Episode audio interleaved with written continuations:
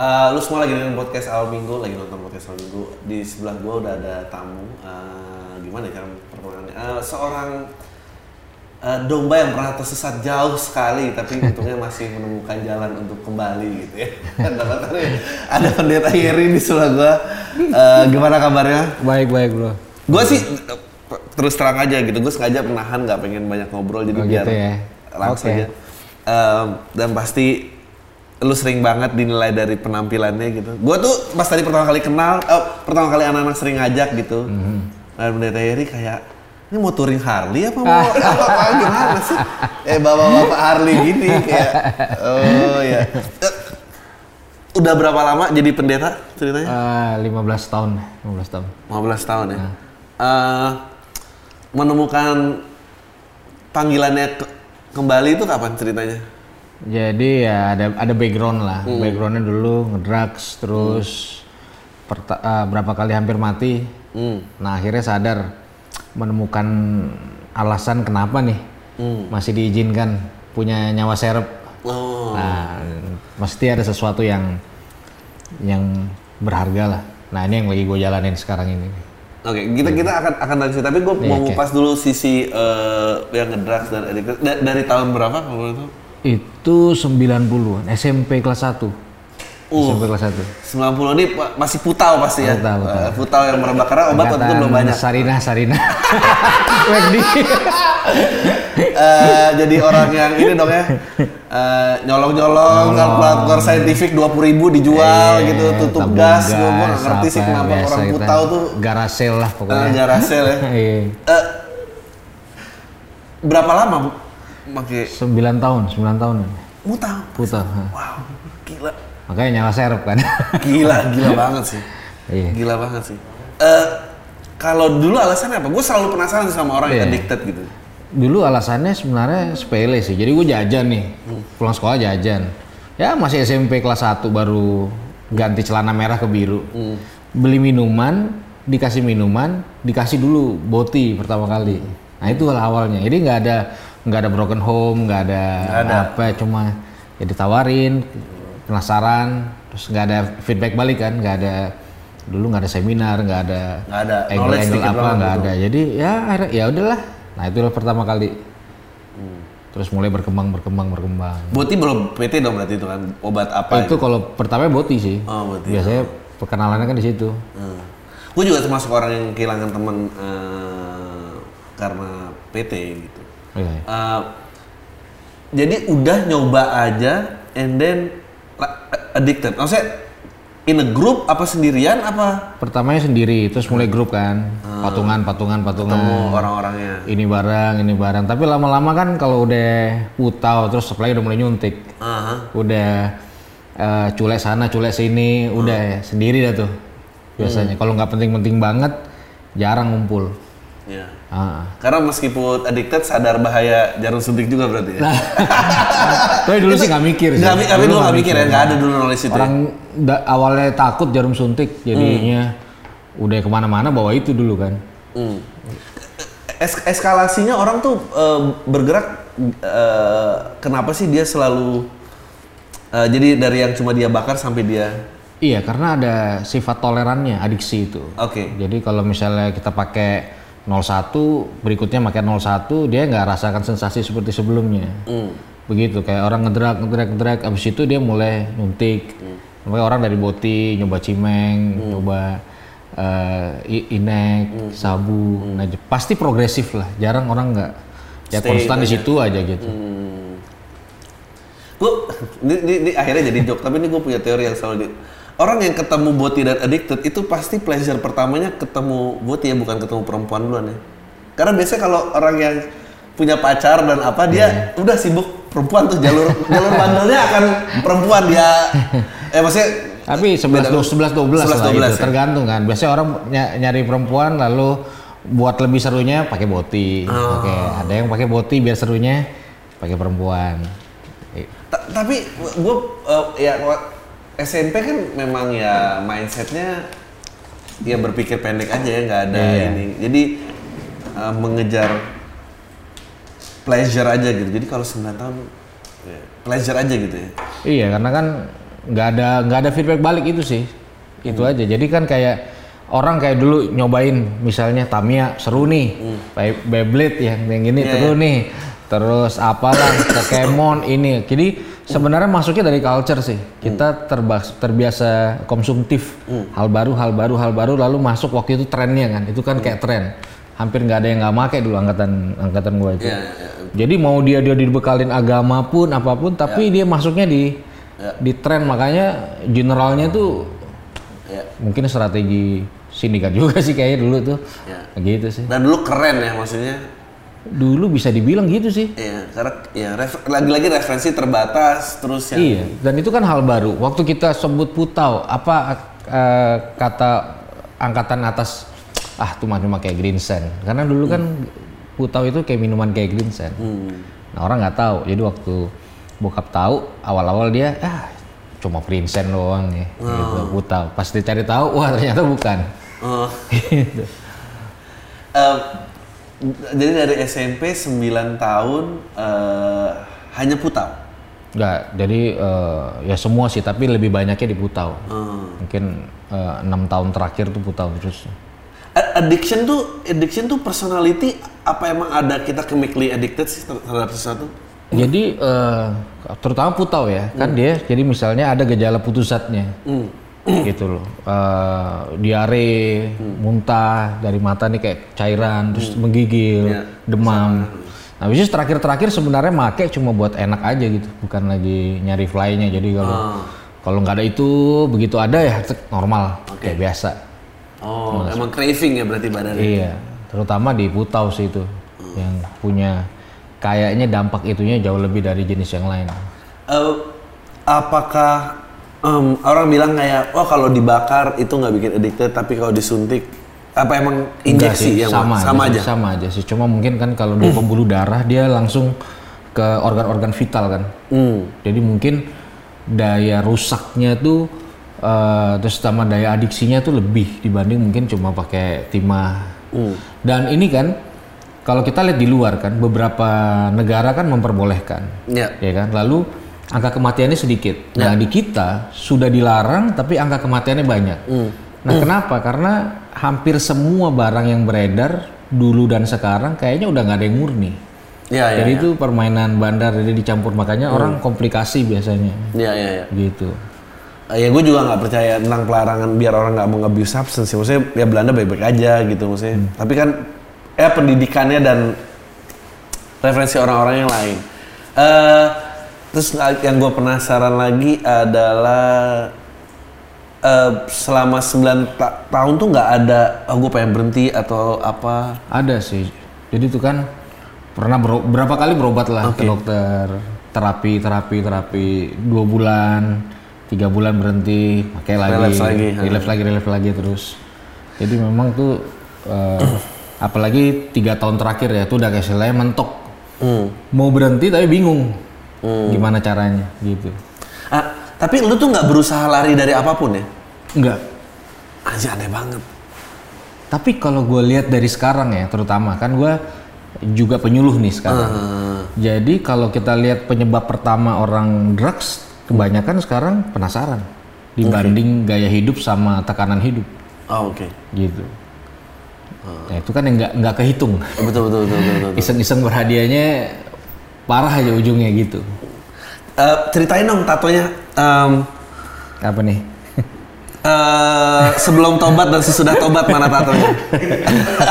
Karena masih beda gitu. Beda. deh. Eh, jadi gua tuh awalnya SMP tuh udah udah tato, Oke. tato nato sendiri kan zaman dulu. Ah. Gitu di kaki, di badan, di belakang juga ada. Terus ya di cover cover lah. Jadi Oh, banyak udah kan udah, udah cover-cover ya. coveran. Oh, oke. Karena dulu kan bikinnya mabok, yang bikin juga mabok. jadi kepalanya miring sana, kaki, Ah. tulisannya P jadi W apa gimana dulu. Ya udahlah, ya, jadi sekalian gua cover cover aja. Oh, aduh sayang kan mestinya biarin aja biar Biar aja ya, biar, biar- inget biar kita kan blow lagi.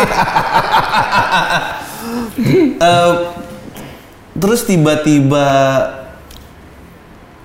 ya nggak cuma sembuh tapi juga istilahnya kembali ya quote Iya. unquote itu gimana ceritanya? Jadi 9 tahun make terus berapa lama sampai Ya jadi, nah waktu gue berhenti terakhir ini lebih ke religi Itu kan belum pernah tuh selama track record 9 tahun.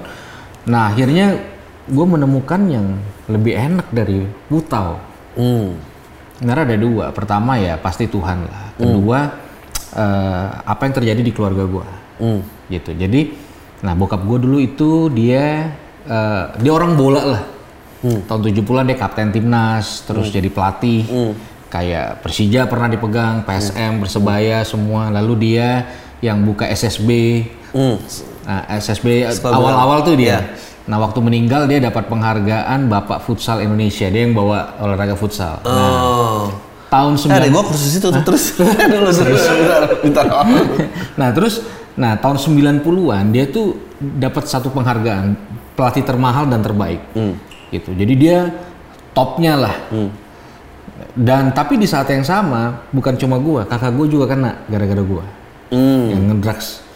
Jadi dia harus milih antara bolanya, karirnya, semua yang dia bangun dari kecil mimpinya. Jadi bola tuh udah kayak agama kayak bokap gua. Jadi rumah tuh udah pagar bola, lampu taman bola, meja Lucu makan banget, bola. Serius, sampai kamar mandi bola. Ya, itu dikasih kado apa aja nggak seneng tuh dia pasti. ya. Kalau bukan bola saya kamu Gua terima. buka apa album-album kecil gue begitu lahir foto sama sepatu bola dulu gitu. Pokoknya bola tuh nggak mungkin dah itu deh pengabdian bukan cuma hobi. Nah tapi satu kali dia harus milih bola Oh, apa anak, anak yang brengsek lah. Waktu itu gue yang menghancurkan karir dia. Orang cibir dia, lu berhasil di lapangan, orang tepuk tangan di rumah lu Hancur kacau ya. sampah gitu loh. Nah akhirnya dia mengambil satu keputusan yang kita semua keluarga kaget. Dia ninggalin bola oke. Hmm. Jadi dia datang, dia, dia bilang gini, kalau mau jadi orang hebat, jadi orang hebat di mata anak-anak dulu. Hmm. Benar. Berapa kali momen-momen gua hampir mati yang dia tahu. Dia bilang gini, kalau lu mati, lu tetap mati dalam kasih sayang saya sebagai orang sebagai eh, seorang ayah. Jadi dia menunjukkan gue lebih penting dari bolanya. Nah dia dia tuh waktu dia resign, dia nemenin gue banyak, nemenin sakau malam-malam, melukin kalau lagi menggigil. Pernah ada satu peristiwa, makanya gue bilang gue menemukan yang lebih enak dari Putau. Jadi gue digebukin nih ceritanya satu sekolah, dituduh maling. Emang waktu itu gue mau maling, cuma udah ada yang gue di prank jadi ada yang maling duluan. Jadi udah pasti kalau gue maling nih yang kena Eri nih. Udah. Akhirnya gue di masa tuh, wah kakak kelas, alumni semua. Nah bokap dipanggil dari lapangan bola, masuk di eh, sekolah, pas jam istirahat. Semua orang teriakin bokap gue maling sama gue. Jadi gue jalan berdua. Diteriakin, woi maling, maling, maling, maling. Nah, gue keluarga ter- lihat bokap dipuji di lapangan bola Gelora Bung Karno, bosen. Nama disanjung-sanjung bosen. Orang datang bawa hadiah di rumah gue, tapi belum pernah seumur umur bokap gue diteriakin maling gara-gara gue. Jadi itu kayak ah ini udah peristiwa paling parah deh. Asli ini namanya ngelempar tai ke muka orang tua inilah momennya. Ibu udahlah gue mau dieksekusi apa pun jalanlah di tengah teriakan. Tiba-tiba dia rangkul gue terus dia bilang gini kamu bukan maling ya kamu anaknya papa angkat muka kamu. Jalan lagi. Nangis deh terus gue juga nangis. Kita ada kayak lima detik diem. Gue nggak tahu apa yang terjadi tapi saat itu seperti gue menemukan yang lebih high dari Putau. Hmm. Gue menemukan sebuah identitas cerita baru yang gue belum pernah rasa sebelumnya. Terus kita datang. Akhirnya gue dikeluarin tuh dari sekolah itu. Nah dari situ gue mulai sadar bahwa yang sayang sama gue bukan teman-teman gue yang di luar. Gue pulang jam 3 pagi mabok. Kadang-kadang ada bokap gue di, di depan rumah. Bokap gue kan Ambon ya. Orang Ambon kan kalau didik anak unik. Pukul dulu baru tanya biasanya. Padahal anak dari belakang. nah gue sih udah siap dengan semua konsekuensinya. Tapi hampir nggak pernah. Pernah dia sekali dia mulap emosinya, dihajar apa waktu itu tempat sampah atau apa. Habis itu dia cabut. Jadi dia waktu gue balik da- datang dia bawa gue masuk bikin indomie, gue suruh tidur. S- Pernah sekali gue keluar rumah bandar, ada dia di depan. Pakai celana pendek, Keluar rumah beda ada bapaknya. sendal jepit bener jadi gini kalau kalau gue diangkut dan kemungkinan besar diangkut besar dia juga akan diangkut dan pasti dia hitung itu Tapi dia dia tidak peduli. Jadi istilah gini, dia kehilangan nama baik. Orang bilang dia dia dia oke, tapi dia tidak mau kehilangan cintanya terhadap anaknya. Hmm. Dan waktu gue lihat itu, gue terus bayangin hampir tiap hari dia berdoa di kamar gue. Gue bener-bener dulu gue punya punya punya satu peristiwa di mana kayaknya gue anti banget sama yang namanya kekristenan. Karena waktu itu gue ikut retret. Lalu tiba-tiba eh, tiga hari dua hari pembimbing agama gue bilang gue Yudas Iskariot. Gue dipulangin. Goodbye deh Yesus Yesusan goodbye. Jadi jujur nih ya dulu Alkitab tuh alas bong sabu-sabu gua. Nggak ada lah Yesus Yesus lah. Beneran gua kalau nyemeng dulu gua robek aja tuh Alkitab. Tapi ya, cuma petanya doang berani ya. Jadi buat apa gua percaya? Buat apa gua percaya Tuhan? Lalu eh, orang-orang rohani memperlakukan gua kayak sampah begini. Ah, Oke. Gitu. Ya pernah sekali juga ada, ada satu peristiwa. Jadi gue main sama teman-teman yang gak rohani, biasa kan anak begajulan. Sekali ode gue. Dulu ada tempat bengkel namanya kan di depan speaker. Teman gue dapat gue udah berbusa, badan udah biru udah kaku. Ode. Jarum di, di- langsung diangkat, gue dibuang di got. Jadi satu pagi gue bangun kan dipikir udah udah lewat. Jadi satu pagi gue bangun dengan sebuah pemikiran, gue ini lebih hina dari sampah. Oke lah, gue perlakukan diri gue kayak sampah. Orang gereja nggak memperlakukan gue kayak sampah, orang nggak kenal Tuhan juga kayak sampah.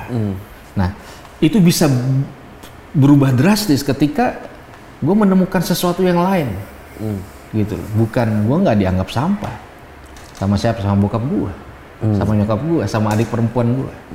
Itu ya hari-hari ini kejadian hari-hari.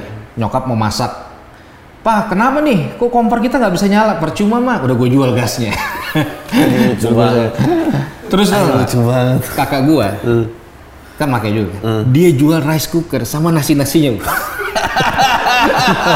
Dijual. Pas dibuka gua ada, lu ada nasinya. Bonus bonus udah lu. Lu bisa bayangin kalau sekarang sih itu lucu, tapi dulu Iya, air mata. Jadi semua prank gitu loh, semua nggak ada. Tabung gas nggak ada, TV nggak ada, TV gua gak ada, ditebus, gua gak ada lagi. Terus muka gua bilang udah lebih mahal dari harga aslinya, udah biarin aja.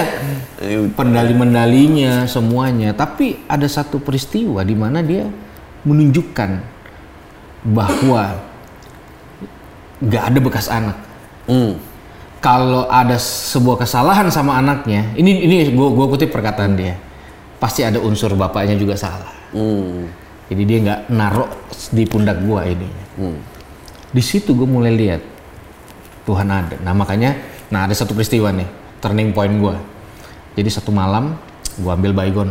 Nah sejak dua peristiwa itu itu nggak lama setelah gue dibuang di got sama teman-teman gue. Ah udahlah orang kayak gue hopeless lah. Gak ada kampus. Gue nggak pernah kuliah karena DPO polisi dulu. Terus mana ada orang mau jadi pacar gue, mana ada perusahaan mau terima. Siapa yang mau main sama seorang Yeri? Dulu keluarga gue, keluarga besar gua, kalau gue pergi kunci pintu semua.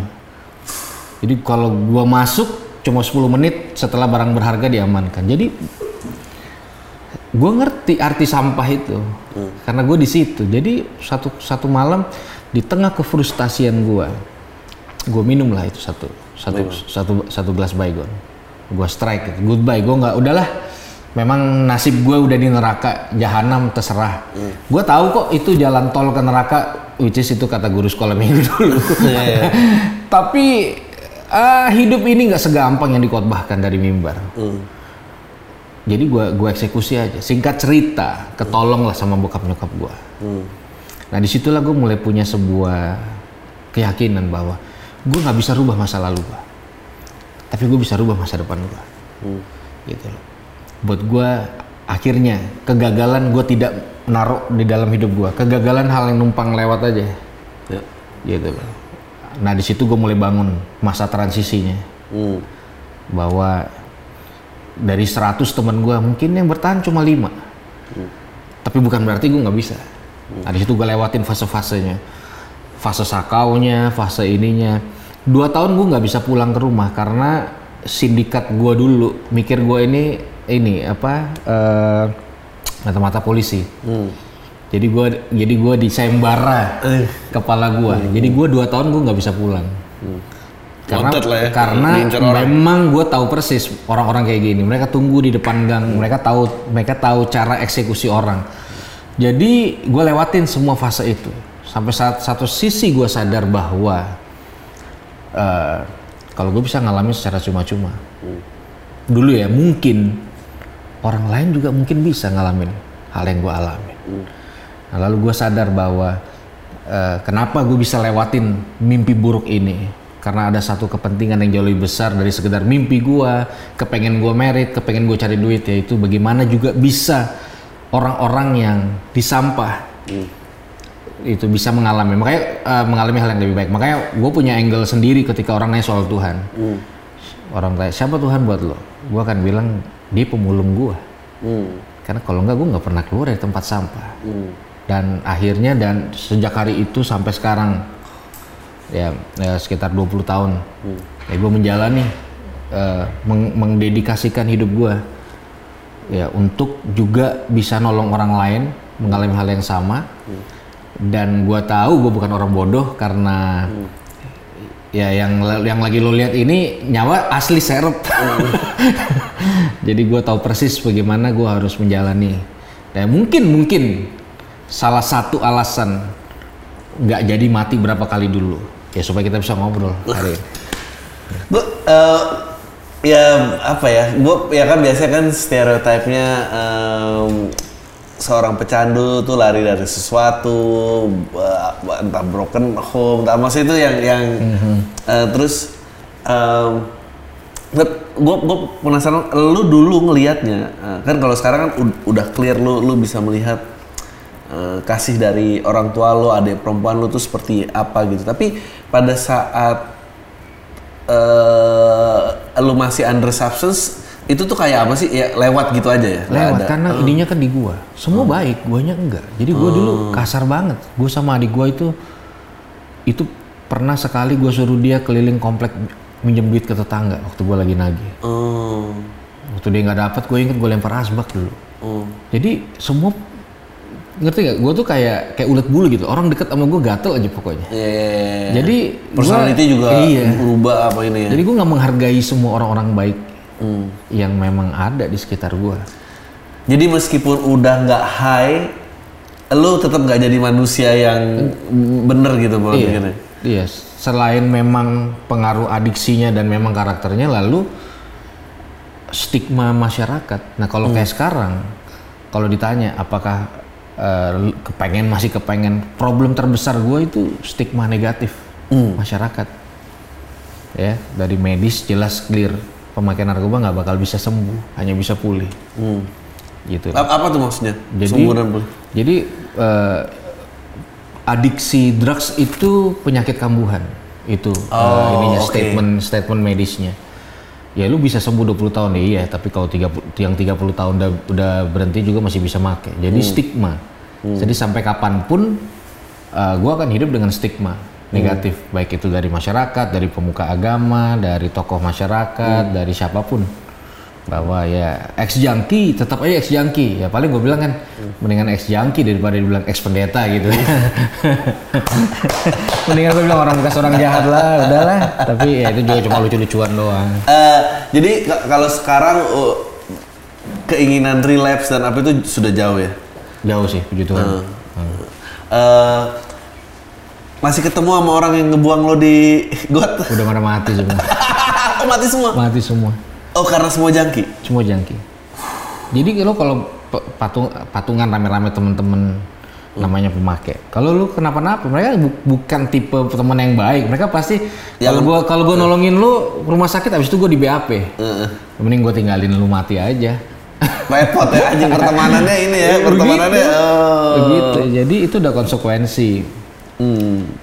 Terus ke keinginan eh ingin menolong orang hadir dari mana? Iya, jadi se- selain yang gua tahu setelah gua mengenal Tuhan, ada tanggung jawab moral dalam pengenalan gua akan Tuhan. Jadi eh, ya pemeluk agama harusnya juga mampu memeluk sesama manusia. Courtnya tuh di situ. Hmm. Jadi bukan di aktivitasnya, di religiusnya, di aksesorisnya, tapi Menarik. bagaimana impactfulnya kepada orang lain. Terutama orang-orang yang unwanted lah, outcast gitu ya. Iya. Itu dia. Ya karena gue yakin kalau misalnya gue nanganin kasus beberapa orang pecandu pasti kayak aduh hopeless nih gak usah ditolong lah gitu. Dan dan lo ber- berusaha hadir buat orang-orang yang hopeless itu. Iya. Jadi memang karena gue tahu itu akan sulit. Sebenarnya gini, harus ngalami hal buruk dulu untuk bisa nolong orang-orang yang hopeless itu asumsi. Karena waktu kita mengenal Tuhan secara utuh, include kemampuan kita tetap bisa. Cuma mungkin feel-nya aja, Ya, gitu ya. kan. Tapi kan memang uh, ala, uh, ketika gue melihat, jadi gue melihat masa lalu itu di tangan Tuhan jadi aset sebenarnya.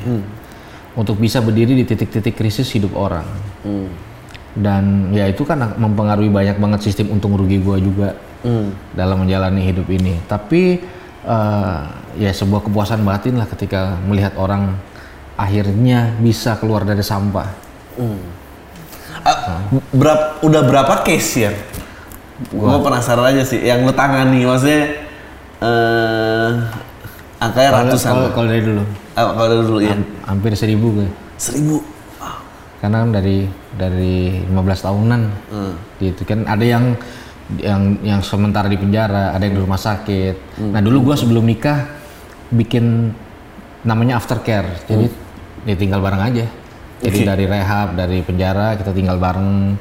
Kita ini eh, yang HIV yang drugs addict yang di TO polisi yang kayak gitu gitulah gitu ya memang itu bukan bukan opini-opini yang populer gitu Tapi lu sendiri sebagai pribadi nggak punya eh,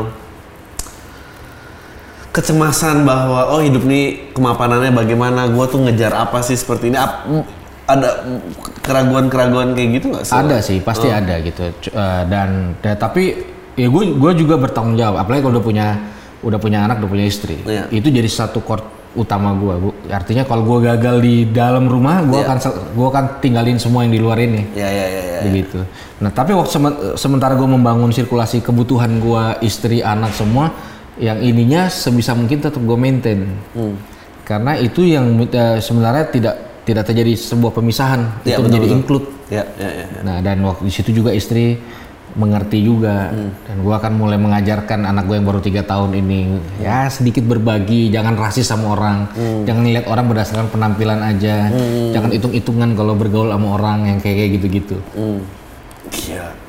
Eh, lu boleh nggak sih nge-share salah satu ya kasus yang paling entah ya paling memorable lah gitu. Iya oke. Ada sih satu. Jadi ini dia putri ngedrugs dan hamil dan waktu itu mau aborsi Hmm. Jadi on the way ke klinik Jakarta Pusat lah, semua tahu. Nah waktu itu gue berhadapan sama dia nih. Nah gue keluarin semua ilmu keagamaan gue untuk mencegah nih. Gila lu mas, usia kandungan lu aja belum bisa lu ngelahirin anak gitu loh. Dan gue argumen panjang lebar, akhirnya dia bilang gini. Ini makanya gue nggak bisa lupa dia bilang, oke kak, saya nggak akan aborsi kak. Tapi saya kasih kakak satu syarat. Saya bilang langsung gue pegang tangannya. Apa pun gue gue ini, asal lu nggak aborsi ya. Bener nggak? Bener. Terus, terus gue tanya, apa syaratnya? Kakak jadi bapaknya mau nggak? Eh, Diem gue. eh, Kalau kakak nggak mau jadi bapaknya, jangan ngomong soal Yesus lah kak. eh. Kalau masalah ini dosa enggak, saya juga udah tahu. Saya bukan butuh orang yang kasih tahu ini dosa apa enggak. Saya narik napas panjang. Saya nggak bisa nggak bisa menjawab iya. Dan dia aborsi akhirnya. Setelah gue tahu dia aborsi, gue datang, gue bener-bener minta maaf sama dia. Harusnya gue bisa punya solusi. Hmm. Tapi gue gue cuma orang yang gue jago khotbah, jago ngomong, jago ini, jago itu, jago ngelarang. Yang which is dia nggak perlu. Dia perlu solusi. Yang gedein siapa? Susunya gimana? Vitamin hamilnya gimana? Gue si SMP. Nah sejak itu gue mulai banyak merenung terus gue ajak ke teman-teman ada beberapa yayasan akhirnya terbangun. Jadi misalnya kalau dia mau dia nggak mau anaknya nih teman-teman yang adopsi dibiayain semua biayanya. Paling nggak nggak cuma ini dosa ini enggak nah di situ gue mulai berpikir bahwa banyak banget kegagalan agama dalam menerjemahkan eh, kontekstual agamanya. Di, di di di fase ini angle-nya selalu menghakimi, menghakimi, Hitam putih. hitam putih, bla bla sedang. Makanya ya jujur aja nggak heran orang nek sama agama apa pun termasuk Kristen. Mungkin agnostik menjadi pilihan seksi bukan karena dia nggak itu Iya. cara dia bertahan mungkin Iya. dari hujaman dan tekanan yang ada. Nah itu makanya membuat gue dengan segala kelebihan dan kekurangan karena gue tahu nah itu pengalaman yang paling gue nggak bisa lupa sih sampai sekarang Oh itu eh, oh, tadi lu bilang lu masih SMP. Emang- Bukan, anak itu SMP. Anak itu SMP, Anak oh. itu SMP. Gue udah mulai, udah gue udah ninggalin yang lain. Gue udah mulai belajar agama, Oh. udah mulai khotbah, udah mulai ini. Makanya kan dengan gampangnya, Hmm. dengan gampangnya menghakimi, dengan gampangnya. Jadi yang mereka butuh bukan, ya jujur aja kadang-kadang mereka butuh bukan ayat, Hmm. tapi telinga dan kehadiran Ya, ya, ya. yang yang konstan. Mau itu 10 tahun, Hmm. mau itu 15 tahun, gitu. Eh, waktu lo memutuskan apa ya tadi istilahnya tuko habitat ya apa istilahnya ya nampung Iya, semua iya, orang yang iya. aneh-aneh segala macam nah, Ah, apa Aftercare. aftercare itu eh apa nggak banyak orang yang skeptis ya maksudnya aduh jadi gila nih orang udah sembuh dari obat kok malah jadi begini Pak? Ya, sampai sekarang sih kalau orang skeptis sih. Jadi istilahnya keputusan yang gue ambil ini bukan keputusan populer keagamaan. Jadi gue tidak mem- tidak memenuhi banyak kriteria keberhasilan dalam sudut pandang ke- keagamaan pada umumnya. Which is bicara soal gedung bagus, jumlah banyak, Ya. program ini bla bla bla gitu. Tapi gue nggak peduli sih. Jadi memang gue ngalamin banyak rejection juga dari teman-teman eh, pelayanan di mana mereka akan mereka terganggu. Iya. Makanya kadang-kadang mereka bilang gini, kalau kalau orang-orang lu nggak nggak keluar, gue yang keluar nih, gitu kan. Ya gue pikir pikir pikir lagi, putar otak lagi. Tapi gue tetap yakin gue bukan orang bodoh yang melakukan hal ini. Eh, apakah em, lo seberapa mirip sama diri lo yang waktu kecil? Maksudnya apakah eh, sifat-sifat misalnya penolong itu selalu ada dari kecil tapi sempat hilang saat lo nyasar Ya, apa? mungkin mencoba mendeteksinya mungkin nggak nggak tajam ya, tapi mungkin ada sih karena culture culture kita di keluarga ya apa em, apalagi bokap ya bokap dari dulu memang kan anak tetangga disekolahin Hmm. gitu ini diginiin orang sakit dibantu orang nanti ada rumah kebakaran dia yang cari bajunya dia yang cari ininya apalagi waktu dia meninggal wow itu kayak ratusan cerita yang nggak pernah gue tahu Wah, ternyata kayaknya gennya dari bokap ya, nih ya, gitu Hmm. Eh, apa terus ag- agama akhirnya memberikan apa ya? Setelah oke ayah hadir, ibu, Iya. eh, adik gitu. agama memberikan pertama identitas Hmm. gitu. Kedua rasa aman. Jadi rasa aman yang uh, dari dalam ya, bukan dari luar. Hmm. Kedua yang ter- yang ketiga future. Hmm, Gitu lah. Which is ya gua nggak perlu banyak sebenarnya dari agama sih. Hmm, Itu hal pun jadi hal yang sudah cukup untuk bisa semakin gua tahu siapa gua di hadapan Tuhan rasanya kayak semakin dekat gua dengan hal-hal yang sifatnya berhasil di dalam uh, segmen-segmen hidup ini gitu Ah, elah, aneh banget ya. Nggak, gua, ya gua eh, di, bukan kayak bukan yang mau ngejudge tapi lebih kayak gue selalu belajar ada teman-teman gue yang berganti agama atau bahkan meningkatkan keagamaannya gitu setelah menemukan dan eh gue nggak tahu ya perasaan gue tuh kayak entah iri atau nggak paham atau kayak oh ada ya orang-orang yang begini gitu. Nggak, hidup tuh bukan cuma tentang logika dan ya udah akal aja gitu. Ket- ketenangan tuh memang menjadi sesuatu yang eh, mahal gitu. Iya. Tapi lu sebelumnya apakah bukan pribadi yang tenang? Apa waktu apalagi dalam saat addicted dan segala macam? Wow, dari kalau dari sebelumnya eh, cukup tenang sih karena gue dulu atlet juga, atlet tenis tapi. Oke. Iya, tapi kalau makanya orang kalau orang berse- bersentuhan dengan zat adiktif ini, pasti pikiran, perasaan sama kehendaknya berpengaruh. Oh, Jadi ada uh, pasti ada perubahan sikap yang ekstrim gitu loh. Gua nggak bukan pemarah, gue bukan orang yang gila duit. Tapi ketika adiksi itu mulai, wah udah berubah. Jadi semua orang akan bilang nih kayak bukan Yeri nih, ya jelas. Nih putau nih yang ngomong nih kayaknya nih, kayak kayak gitu kan kasar lah, apalah begitu. si eh, kalau abang lo Lebih separah lu juga. Iya, jadi awalnya dia yang disuruh jagain gua. jadi dia dia dia kena juga akhirnya gara-gara gua. gitu. Dia terus parah juga dia. Jadi gua gua ngajarin dia bohong, akhirnya gua yang dibohongin. Wah, pokoknya kita jadi jadi apa eh, pencuri di rumah sendiri lah ngebobol sana ngebobol sini ngerek sana wah udah brutal dah itu tahun-tahun tahun-tahun suram dah tuh ya jadi Dia dia tiba-tiba nyoba karena penasaran ngeliat lu solo gini, Iya. ya gue nyoba. Iya, makanya kan satu aja udah serem sih. Iya. Mana dua? Iya, Wow, itu dua itu kan gila tandeman setan itu. Iya, kibul-kibulannya juga Ah, nyambung gila. tuh. Ah, jadi udah. Menarik banget lu bi- bilang bahwa memberikan ketenangan dari dalam dan luar terus memberikan tujuan. Nah, lu bagaimana ya caranya eh, mengajarkan ke orang-orang atau memberikan sudut pandang gitu bahwa ya hidup apa pun konteksnya ya maksudnya hidup nggak punya tujuan tuh lost pasti. Iya. Jadi kayak ya gue paling gampang menerjemahkan yang nggak yang selalu ada dalam hidup gue.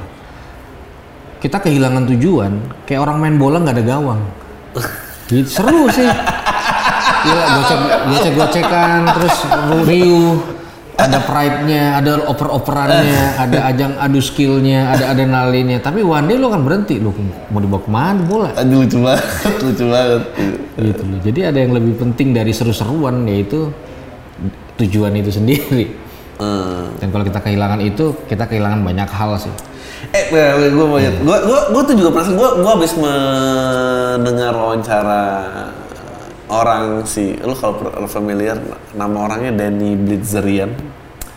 Dia pensiunan Navy SEAL yang jadi miliarder dengan judi poker. Tapi yang lucu adalah karena dia tiba-tiba kaya dan gaya hidupnya langsung dia push ke tingkat ekstrim. Wah, ngundang-ngundang eh, main bokep lah buat pesta di rumahnya dia. Itu dan itu daily ya semua orang udah kumpul di situ aja gitu. Terus nembak-nembakin senapan mahal dan segala macam dan tapi waktu itu gue duduk dia nonton bagus banget interviewnya dia. Dia menemukan bahwa eh, pleasure dan happiness itu dua hal yang berbeda katanya gitu. Eh, ya kita tadi mungkin pleasure itu ya keseru-seruan aja Iya. gitu. Eh, ya happiness itu ya ketenangan yang emang ya udah gue damai aja dibilang pleasure tuh nggak ada titik atasnya dan setiap dan semakin mahal lu ngeluarin duit, yang murah tuh akan kerasa nggak enak. Tapi kalau lu menemukan ketenangan happy itu itu nggak pakai duit ternyata. Betul. Eh, dan kadang masalahnya orang tuh nggak sadar kalau dia nggak punya tujuan gi- gitu. Iya. Nah itu Iya. gimana caranya? ya sebenarnya kan apa? Apa kalau kalau bahasa gue ya, Tuhan itu pu- punya suara kuat lewat situasi. Mentok itu penting. Oh, tuh. Benjol itu penting karena dia akan kalau orang ngomong kayak ini ini kue bro, Ya. ini kue bahannya gini-gini, knowledge-nya lu dapat, tapi giliran lu gigit gigitan pertama, dia akan lempar rasa. Ya. Lu akan kaya akan rasa, lu akan kaya akan Oh, lu angle. oke. Nah sebenarnya mentok itu akan Ya, membuat lu bukan. berpeluang merasa karena udah bukan bermain di knowledge lagi. Betul. Ah, gua ternyata gua kesepian di tengah keramaian. Hmm. Ternyata gua aneh nih, gua rasa sendiri. Gua nggak suka dengan hari-hari rame ulang tahun. Apa gua kenapa gua, gua bagus suka missing in action? Gua suka skip aja. Aneh, gua nggak suka dengan diri gua. Sem- Jadi mentok itu feel gitu loh. Nah kalau gua ini kan masih masih pandangan istilahnya eh, eksklusif lah. Memang ada rongga dalam diri kita yang nggak bisa diisi oleh apa pun. Kecuali faktor X itu Tuhan itu. Lu mau isi dengan seks model gimana? Kayak itu nggak nggak dapet limitnya. Nah ternyata kesimpulan itu datang dari ketika kita memberi ruang. Ya. apa pun lah mungkin awalnya bentuknya. Gitu sih. Dan akhirnya orang bisa enjoy punya rasa aman gitu. Jadi dia dia tidak me- mencari jadi eh, i- ibaratnya kayak kayak ada orang nanya gue nih lu bahagia gak sih di, di pernikahan lu? Terus gue bilang ya bukan tugas istri gue buat gue bahagia ya tugas diri gue sendiri. Nah itu argumen kuat gue ketika gue punya Tuhan kurang lebih begitu. Bukan Eh, tugas Nggak akan bisa dibahagiakan orang lain itu bisa. kayak gitu sih. Lu tapi lu sendiri eh, yang mengagumkan lagi adalah apa, apa lu tuh banyak membaca buku-buku filosofis atau pemikiran-pemikiran Enggak sih.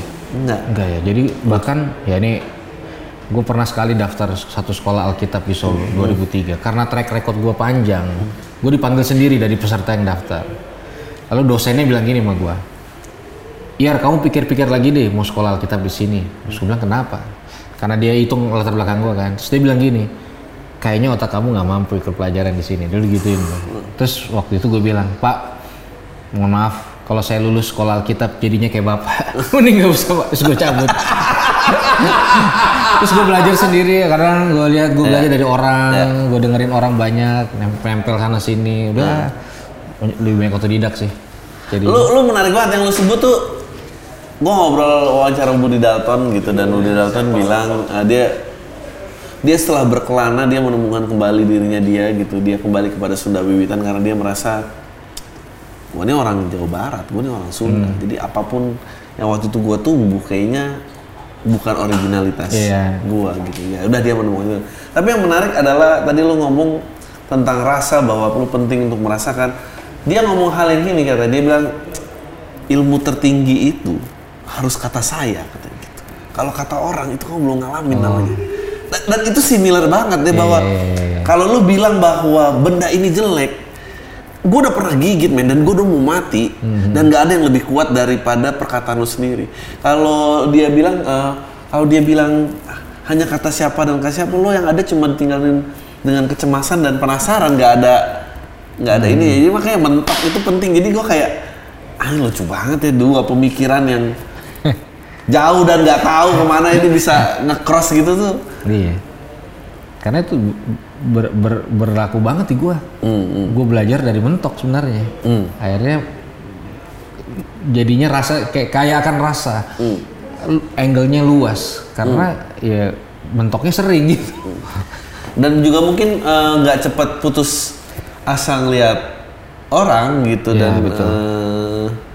k- kalau kakak lo eh, gimana keadaannya apa dia mengambil jalur yang sama apa Sama deh jadi pemuka agama juga lah. oh luar biasa